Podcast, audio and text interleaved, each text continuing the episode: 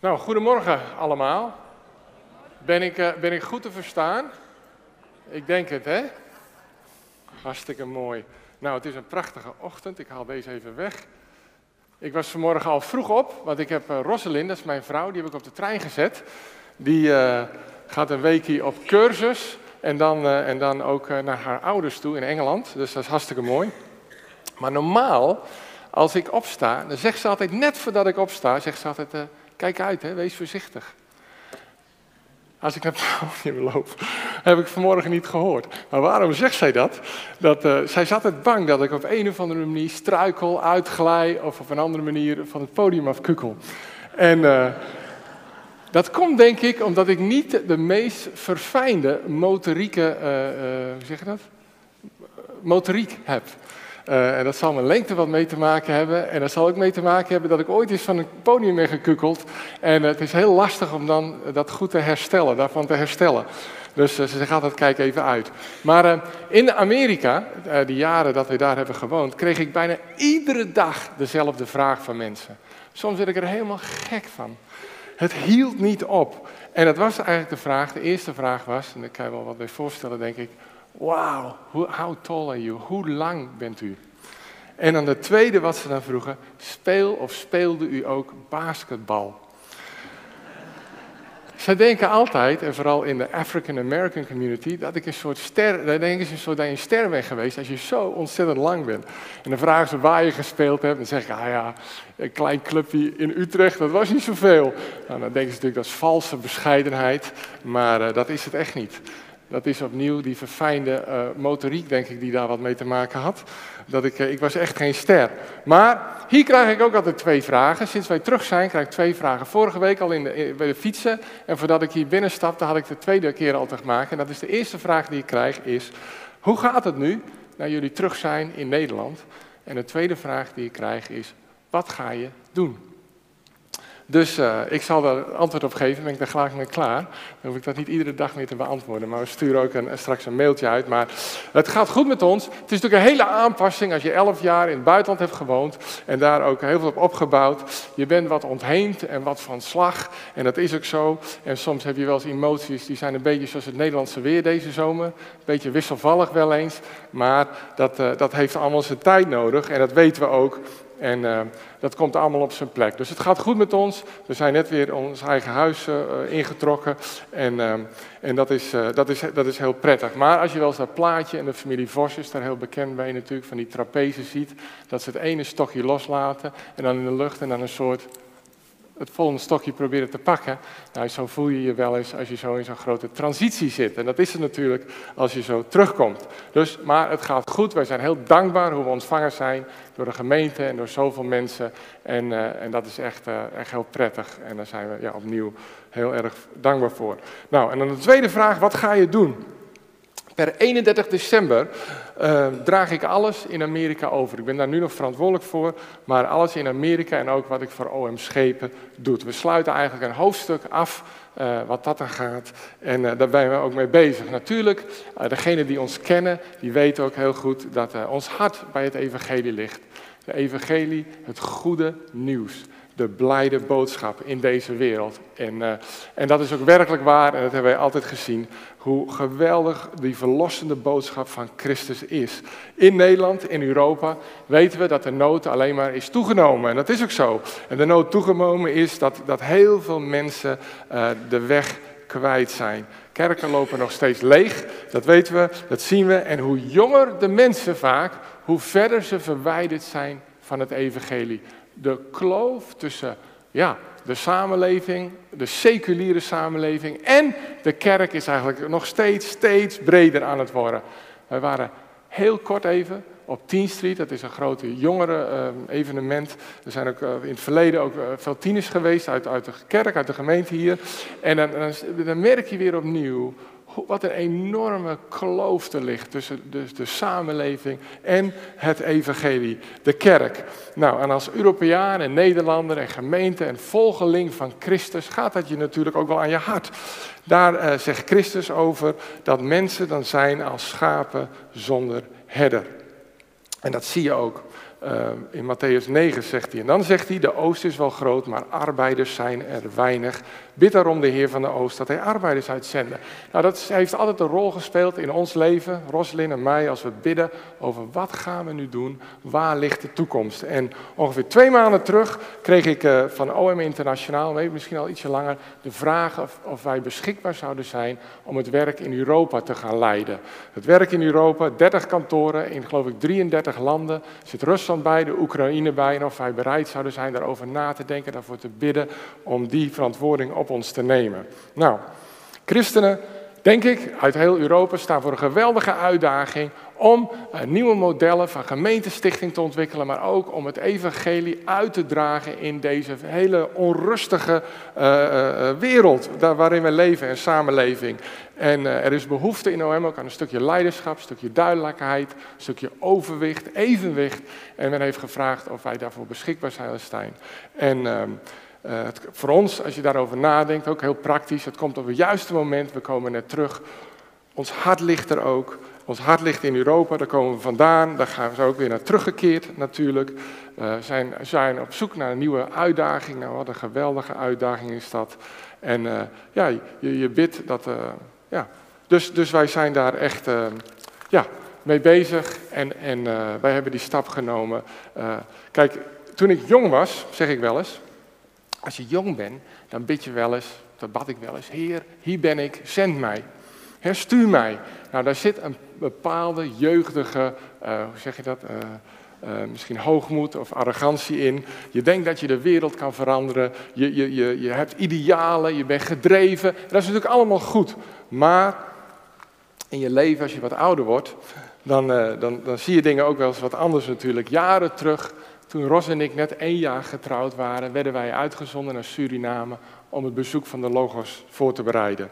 Dat was de eerste keer en ik, dat het schip daarheen ging en ik was in goede vorm. Dat betekent, uh, we hadden een geweldig bezoek. Ik had de president leren kennen en een hoop ministers. Uh, we kregen 25% van de hele bevolking aan boord. Ik, uh, ik mocht heel veel ook op tv ook spreken over het evangelie. Bottomblij was erbij ook, die was ook overgekomen. De, toen het schip wegging is er een bijbelschool ontstaan die nu nog in, in Suriname is. Nou, heel erg mooi allemaal, geweldig bezoek. Toen de Logos jaren later terugging, toen dacht ik... Nou, nu gaan ze me bellen, hè? Want uh, ja, ik, ik ken mensen daar. Vorige keer zo geweldig werk geleverd en uh, ik zat te wachten op dat belletje. Want uh, niemand kan het zo goed als ik natuurlijk van de vorige keer. En dan wacht je en je wacht. En, en er kwam natuurlijk helemaal geen belletje. En toen dacht ik, nou, zal het wel allemaal wel goed gaan deze keer als ze daar opnieuw heen gaan met dat schip, als ze mij niet bellen. Dus uh, het schip kwam eraan en natuurlijk, het was weer een geweldig bezoek. En er gebeurde heel veel en natuurlijk zonder dat Hansie van Baren daarbij was. Natuurlijk, want God is veel, veel groter dan, dan, uh, dan Hans van Baren, natuurlijk. Maar, uh, dus vandaag bid ik vaak iets anders. Ik bid niet meer, Heer zend mij, ik bid meer, Heer, mag ik alstublieft ook deel zijn van uw werk in deze wereld? Mag ik deel zijn van wat u doet? Mag ik daar ook een plekje in hebben? En dat is mijn gebed en dat is Rosins gebed ook. Dus we hebben ja gezegd op deze nieuwe uitdaging om dan de leider van het werk in OM uh, te worden in OM Europa te worden. En uh, ik mag dat grotendeels ook uh, invullen, moet heel veel gebeuren. Ik mag dat ook vanuit hier doen, vanuit Nederland en, en eerst vanuit de polder. Dus uh, wij mogen vertrouwen dat God zijn werk zal voltooien en met ons voorwaarts gaan. Ik dank u ook hè, voor de vele steun die wij ook mogen ontvangen uit de gemeente en van velen van u. En ik zal daar ook wel, nog wat meer informatie over geven. Ook de velen die ons financieel hebben ondersteund en steunen. Zijn er heel dankbaar voor en, en u hoort nog meer. Nou, tot zover. Vorige week um, hadden we het verhaal van Esther. Uh, ik weet niet wie er allemaal was vorige week, maar het boek Esther gingen we doorheen. Ja, heel veel waarde. En, uh, en had prachtige illustraties ook. En dan zien we dat in het boek van Esther, waar Gods naam niet genoemd wordt, wij toch zien hoe hij het Joodse volk redt hoe Gods hand daar is en het Joodse volk redt. Esther die koningin wordt met Mordechai, met Haman die het hele Joodse volk wil uitroeien. En de spreker die sprak over de vele toevalligheden ja, die genoemd worden in dat boek zonder dat Gods naam daar noodzakelijk bij genoemd wordt. En die wordt helemaal niet genoemd in dat boek trouwens, in Esther. Maar het hele verhaal is eigenlijk een aaneenschakeling van, ehm, van Gods leiding, Gods hand door dat boek heen. Nou, toen ik daar, daar zat, ik zat te luisteren naar het verhaal, dan riep dat een vraag bij me op. En dat is de vraag, gebeuren dingen voor een reden? Er gebeurt heel veel in dat boek. Gebeurt dat nou voor een reden? Kun je dat zo zeggen in het leven, dat de dingen gebeuren voor een reden? Kunnen we alles toeschrijven aan God en dat het niet zomaar gebeurt? Nou, uh, het Bijbelstuk van vandaag, wat ik, uh, wat ik wil lezen, wat heel bekend is, en ik lees het even in drie verschillende vertalingen. Ik probeer weer wat te wennen aan de nieuwe Nederlandse vertalingen. Je hebt uh, in het boek, daar ben ik wel wat bekend mee natuurlijk, Romeinen 8, vers 28. En ik denk dat heel veel van u dat zo kunnen opzeggen. Romeinen 8, vers 28. Daar staat vanuit het boek, één ding weten wij. Want voor wie hem liefhebben, laat God alles medewerken voor hun bestwil, want hij heeft een plan met hen. Romeinen 8, vers 28 uit de NBV. Dat staat voor? Nieuwe? Nee. Nieuwe Bijbelvertaling? Nederlandse Bijbelvertaling. Ik weet het niet. Nieuwe. Dat is het nieuwste dan. Dat is van de afgelopen tien jaar. Dat is nadat wij weg waren. En daar staat, en wij weten dat voor wie God liefhebben, voor wie volgens zijn voornemens geroepen zijn, alles bijdraagt aan het goede. En dan heb ik nog een vertaling, dat is Romeinen 8 vers 28, dat is Bijbel in de gewone taal. En die zegt het volgende. God zorgt ervoor dat al ons lijden uiteindelijk het goede brengt, onze eeuwige redding. Dat is zeker, want God houdt van ons. Dus, de vraag is, je breekt je been. Hier was een been gebroken. Ik heb van, ja, er zijn er wel een paar. Ik heb ook van alles gebroken in mijn leven. Uh, dat zal weer wat te maken hebben met die fijne motorieke vaardigheden van mij. Maar ik ben uit allerlei dingen gevallen en, en zo. Dus je breekt je been. Gebeurt dat voor een reden? Je ontmoet een hele prachtige jonge meid of jongen of jonge meid. En je wordt helemaal verliefd. Allemaal gevoelens. Gebeurt dat voor een reden? Ja? Je, je, je, het zit hartstikke tegen. Je opleiding, het lukt niet, het wil niet, het is zwaar. Je, je barst van de stress. Gebeurt dat voor een reden? Je hebt alle dagen, en dat weten we ook, dat gebeurt ook. Je hebt alle dagen hoofdpijn. Je voelt je akelig, je kan niet functioneren. Zit daar een reden? Wij komen net terug uit Amerika en we zitten jaar zonder onze spullen. Gebeurt dat voor een reden? Ja, dat gebeurt voor een reden, want ik ben dom geweest om te lang te wachten om ze te verschepen. Maar goed, je bidt dat God zal voorzien en je krijgt een prachtige baan. Nou, dat moet wel een reden voor zijn, of niet? Of je ziet iemand die een ontzettende nood heeft en het komt op jou weg. Gebeurt dat voor een reden? Allemaal vragen. Nou, als je daar heel kort antwoord op wil geven, gebeuren dingen voor een reden, is het antwoord heel kort door de bocht, ja, maar, niet altijd hoe wij denken. Het is niet allemaal toeval of oude control, maar hoe zit dat? Nou, ik heb er eens goed naar gekeken en dan zie je eigenlijk dat er drie factoren zijn die ons laten zien waarom dingen voor een reden gebeuren. Het zijn eigenlijk drie dingen, die overlappen elkaar ook een beetje, maar eigenlijk drie uh, dingen. De eerste is eigenlijk de, de wet oorzaak en gevolg. Daar gaan we straks verder over praten. Dat is eigenlijk waar de Bijbel spreekt over het zaaien en het oogsten. Mijn vader had een plaatje boven de werkbank en daar stond op: wie goed doet, die goed ontmoet. Dat zei hij ook wel eens. Beetje in dezelfde gedachte. Hè? Je zaait, je oogst. Als je goed zaait, geestelijk zaait, zal je geestelijk oogsten. Daar kom ik straks op terug. Dus de oorzaak en gevolgen. Het tweede is de zondeval.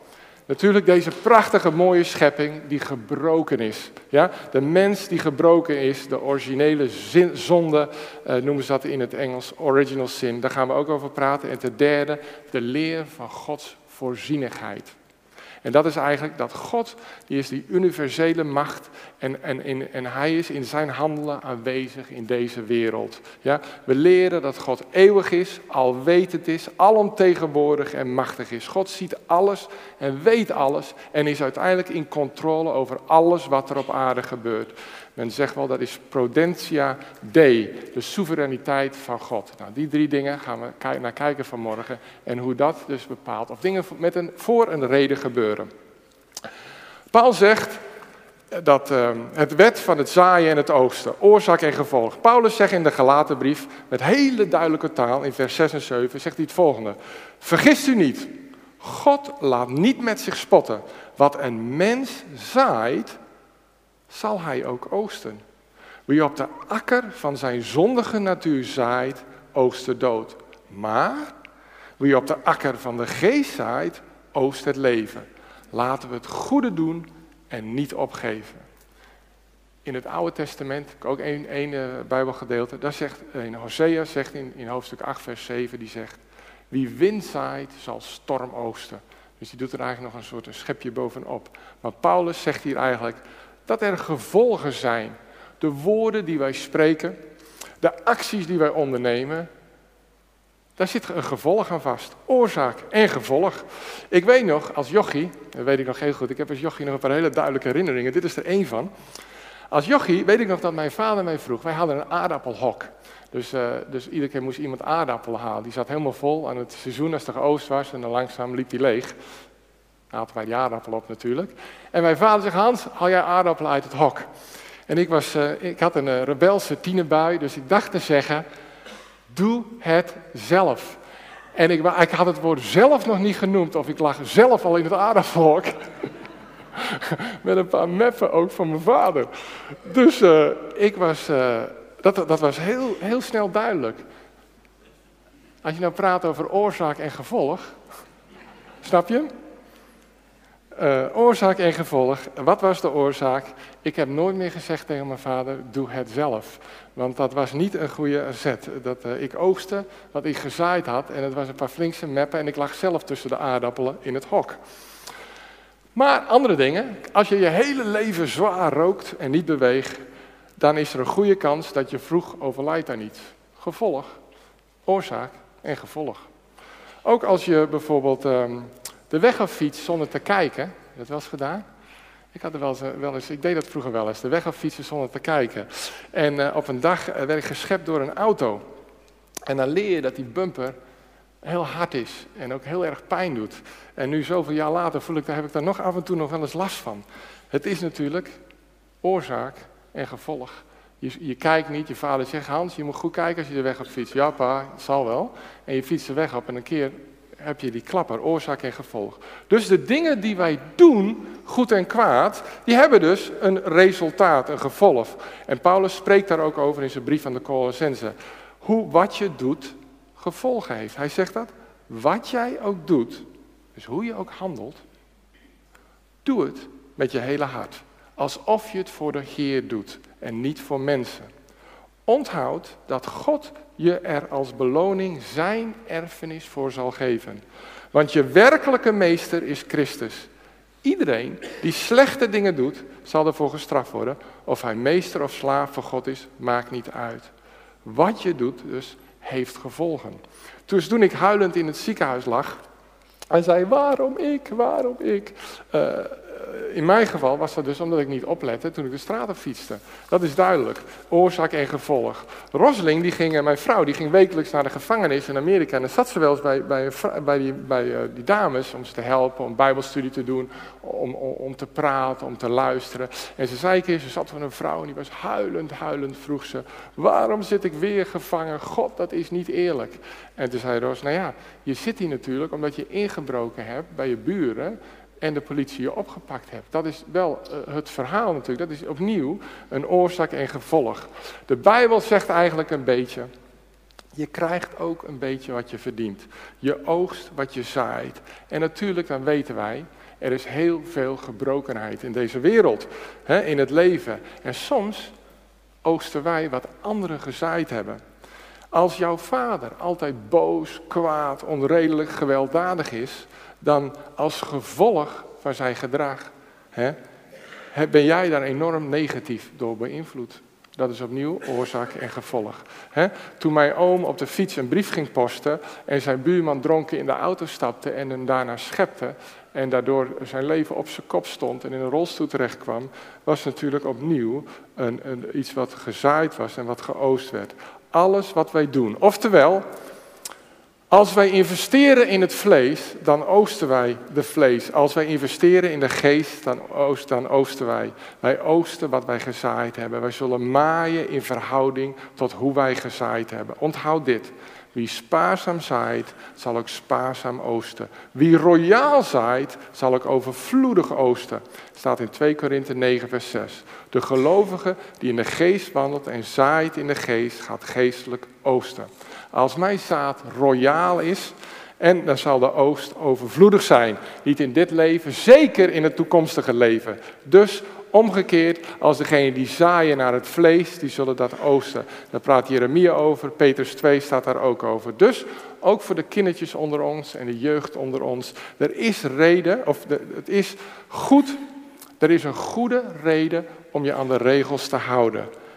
Gebeurt alles? Ja, voor een reden. Deels ja, omdat wij oosten wat wij zaaien. Dus het is een herinnering voor ons allemaal om in ons leven Gods weg te volgen en op Gods weg te wandelen. Want als wij dat doen, dan zullen we dat ook, dan komt dat terug tot ons. Dus dat is de eerste reden. Gebeuren die dingen voor een reden. Ten tweede hebben gezien, de reden dat sommige dingen gebeuren, kunnen vaak teruggevonden worden in de gebroken wereld waarin wij leven. Wat begon in de tuin van Eden, wat ze noemen de originele zonde, of wat Calvijn noemde ehm, de totale verdorvenheid. De Bijbel is duidelijk dat wij onder een vloek staan en dat die wereld waarin wij leven ook onder een vloek staat. En dat heeft geleid tot zwakheid, ziekte, hè, natuurrampen rondom ons heen en natuurlijk de dood. Al deze dingen, alhoewel onder Gods ultieme controle, hè, worden door Satan gebruikt om ellende in de wereld te veroorzaken en in de mensen. In deze wereld lijden wij ja, door de zondeval. Dus er is een bekende predikant die zei vaak: Het leven op zijn beste is een tranendal. En we krijgen te maken met heel veel moeilijke dingen in ons leven. En dat is ook echt zo. Heel veel moeilijke dingen die op ons wegkomen, omdat we in een gebroken wereld leven. Iemand kan vragen, waarom word ik door deze ziekte getroffen? En ik denk dat is een vraag die wij soms met ons meedragen. Waarom gebeurt dit? Waarom heb ik hier last van? De wereld staat onder een vloek, wat daardoor heeft geleid. Nou, dat kan zijn natuurlijk één, Vanwege die gevallen wereld. Wij zijn allemaal ziek gebroken en we weten niet goed, ik zeg wel eens, wij weten niet eens goed hoe we moeten liefhebben, hoe we een goede man moeten zijn, hoe we moeten reageren. We hebben zorgen, we zijn corrupt, we zijn jaloers, boos, zwak, ziek en misselijk. En dat is waar. Het is het gevolg van die zonneval. Maar het kan ook zijn natuurlijk omdat God ons geloof uh, beproeft en ons geloof versterkt. Wij leren soms dat door die beproevingen ons geloof sterker wordt. En daar heb ik veel voorbeelden van, ook in mijn eigen leven. Als wij naar God gaan, op Hem vertrouwen, dat we in Zijn kracht mogen gaan staan, dat Hij ons genade, hoop en toekomst geeft. Daar lezen we ook over in de Hebreeënbrief. Daar zien we dat eh, God, onze Vader, corrigeert ons. Hij corrigeert ons, maar op de duur, maar laat ons delen in zijn heiligheid en in zijn heerlijkheid. Het lijkt soms dat vermaning, en dat weet ik nog eh, in mijn, uh, mijn opgroeien, dat dat geen vreugde brengt, slechts verdriet. Maar toch op de duur, als God ons vermaant, op de duur, dan zien we dat dat vrede en gerechtigheid brengt in ons leven. Als je verzocht wordt, staat er, hef je slappe handen, strek uw krikkende knieën en kies het rechte pad. Zoals een voet die gekneusd is en niet verder ontwricht raakt, maar juist geneest. Hebreeën 12 zegt, houd uw blik op Jezus, de grondlegger en voltooier van uw geloof. Denkende aan de vreugde die voor hem lag, liet hij zich niet afschitten. Hij hield stand en nam zijn plaats aan de rechterzijde van God. Als wij verzocht worden, als wij gecorrigeerd worden door God, om dan toch in afhankelijkheid dat te ontvangen en te weten dat Hij ons daarin helpt en leidt en kracht geeft. Dus je hebt het zaaien en het oosten. Gebeuren dingen voor een reden. Hè? Dus het is belangrijk dat wij goed zaaien. Dan zien we de zondeval rondom ons heen, waar wij deel van zijn, de gebrokenheid. En ten derde zien we de voorzienigheid van God. En wat is dat? De leer van voorzienigheid stelt dat God stil en onzichtbaar door de natuurlijke wereld werkt om gebeurtenissen te beheren. God in zijn voorzieningheid werkt zijn doel door vaak natuurlijke processen in het fysieke en het sociale uh, gebeuren, universum. Dus ik zeg heel vaak, zijn plan rolt door de eeuwen. Hij is zijn plan aan het volbrengen. Dat is de Bijbel heel duidelijk in. Wij leven in een deel van Gods grote koninkrijksplan en daar mogen wij deel in hebben. Hij is bezig om iets geweldigs te uh, bewerkstelligen. Zijn plan wordt voltooid en hij komt terug in al zijn heerlijkheid. Dus als wij wat ervaren hier, elk effect kan worden teruggevoerd naar een oorzaak. Maar er is een hint van het wonderbaarlijke. En dat zien wij ook in het boek van Esther. Dus er gebeuren allerlei dingen. En ook in ons leven. Er gebeuren allerlei dingen om ons heen. In, in onze huwelijk, in onze kinderen, in onze samenleving, in deze wereld. Ja? Zoveel dingen die er gebeuren, die wij proberen uit te leggen en, en een oorzaak aan te geven. Maar, en soms wijzen ook op toeval, en we begrijpen het niet allemaal, maar het is zo dat God zijn hand daar in dat wonderbaarlijke daarin verweven zit. Wat er gaat gebeuren in deze wereld, kunnen we soms beangstigd over zijn, maar wat er gaat gebeuren, dat weten we. Wij weten dat. Hoe het gaat eindigen in deze wereld, wij weten dat. Ja? Hoe het gaat met, hoe het met ons gaat eindigen als mensen, ook dat weten wij. De Bijbel geeft een antwoord op al die grote levensvragen. Waar kom ik vandaan? Wat is het doel van mijn bestaan? Waarom ben ik hier? Waar ga ik naartoe? Is er zoiets als uh, uh, recht of goed en fout? Al deze dingen heeft de Bijbel een antwoord wat allemaal op elkaar past en aan elkaar zit. De, het, het geeft ons een manier om te leven. Dus alles wat wij ervaren, Gods wonderlijke hand zit daardoor geweven. Als volgelingen van Christus zijn wij volledig verzekerd van die waarheid. Dat God in deze wereld is. Dat Hij alles in zijn handen heeft. Dat Hij weet en ziet wat er gebeurt. En dat Hij zijn plan aan het volbrengen is. En daarin komen we op dat vers van Romeinen 8, vers 28. Waar dan staat, wij weten dat God in alles medewerkt ten goede van degenen die van Hem houden die volgens zijn doel geroepen zijn. Het boek van Esther ja, toont Gods goddelijke voorzieningheid op het werk. En dat zien we. Het verbannen van Vasti. De selectie van Esther zagen we het. Het plot van de moordenaars, wat Mordechai hoorde. De trots van Haman. En in die trots kwam het tot uiting. De moed van Mordechai. Ja? De bevrijding, of zeg de slapeloosheid van de koning die nacht, toen hij niet kon slapen en het boek opzocht. De bloedlust van Ceres en alles wat er in het boek van Esther gebeurt, we zien daarin, is Gods hand, goddelijke hand verweven. En zo is het eigenlijk ook met ons leven. Wij zijn deel van dit leven. En God ziet alles en weet alles. En een deel, als wij zeggen, gebeuren de dingen voor een reden, zeggen we ja, God is zijn plan aan het volvoeren. En wij hebben daar een plekje van en wij zijn daar op die manier een onderdeel van. Begrijpen we dat altijd volledig? Nee. Uh, uh, voelt dat ook altijd helemaal goed? Nee, ook niet. Het voelt ook niet altijd helemaal goed. Maar God is altijd aan het werk. In zijn volk, in u en mij. En zijn goedheid brengt het tot een goed einde. In Filippenzen 1 zegt hij, dit goede werk wat hij in u begonnen is, zal hij ook voltooien op de dag van Christus Jezus. De gebeurtenissen die ons leven bepalen, zijn niet alleen een product van natuurlijke oorzaken of willekeurige kans. Gods hand zit daarin verweven. In de derde, door zijn alvoorzieningheid, de voorzieningheid van God. Nu kijken wij soms naar onze levensomstandigheden. Dat doen wij allemaal. Hè? Maar, en dan kijken wij soms, en dan zien we soms niet hoe, God zijn, uh, hoe, hoe het door God geleid of bepaald kan zijn. Of zijn genade en bescherming om ons leven ontvouwt. Maar als wij terugkijken vaak, en er zijn prachtige psalmen daar ook over, soms als we voor het leven staan, dan zien we niet, of weten we niet, of we begrijpen niet. Maar als we soms terugkijken, dan zien we wat God heeft gedaan. En dan zien we dat Hij trouw is. We zien dat Hij goed is. Dan zien we dat Hij voor ons zorgt. Dat Hij om ons geeft. Dat Hij van ons houdt.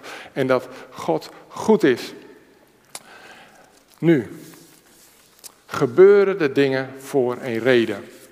Jawel, God heeft gezegd, en dan roept hij ons op, wij oosten wat wij zaaien. Dus hij zegt, zaai goede zaad in uw leven. Hè? Want er zijn gevolgen van wat wij doen als vaders in onze gezinnen. Hè? Zaai geestelijke zaad.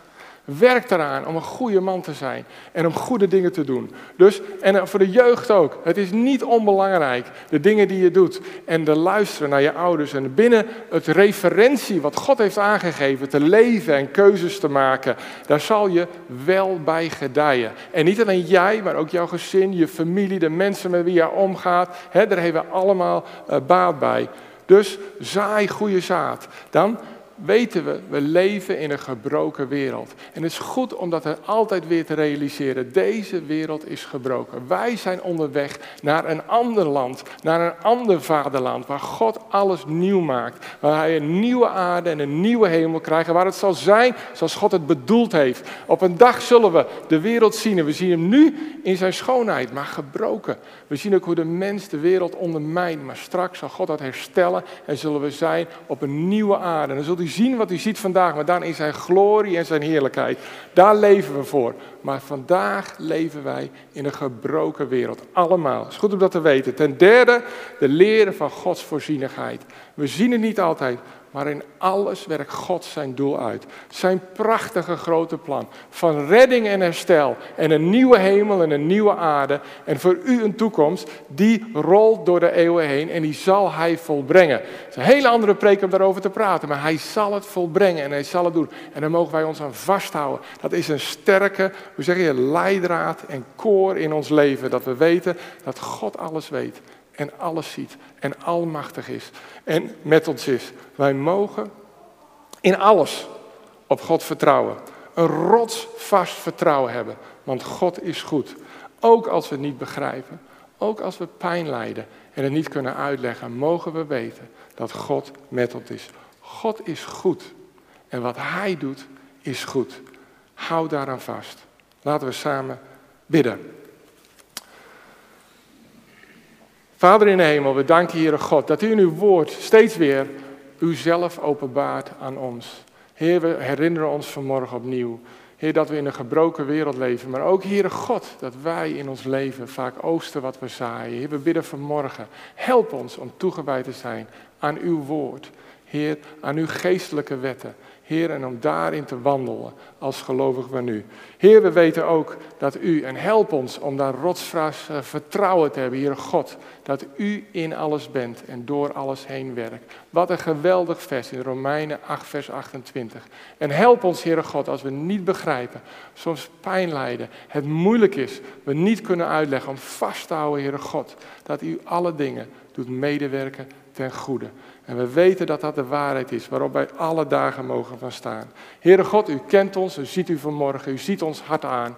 Heer, ik bid vanmorgen, help ons om naar u toe te gaan en het van u te verwachten en ons vast te houden aan uw goede woorden in Jezus' naam. Amen.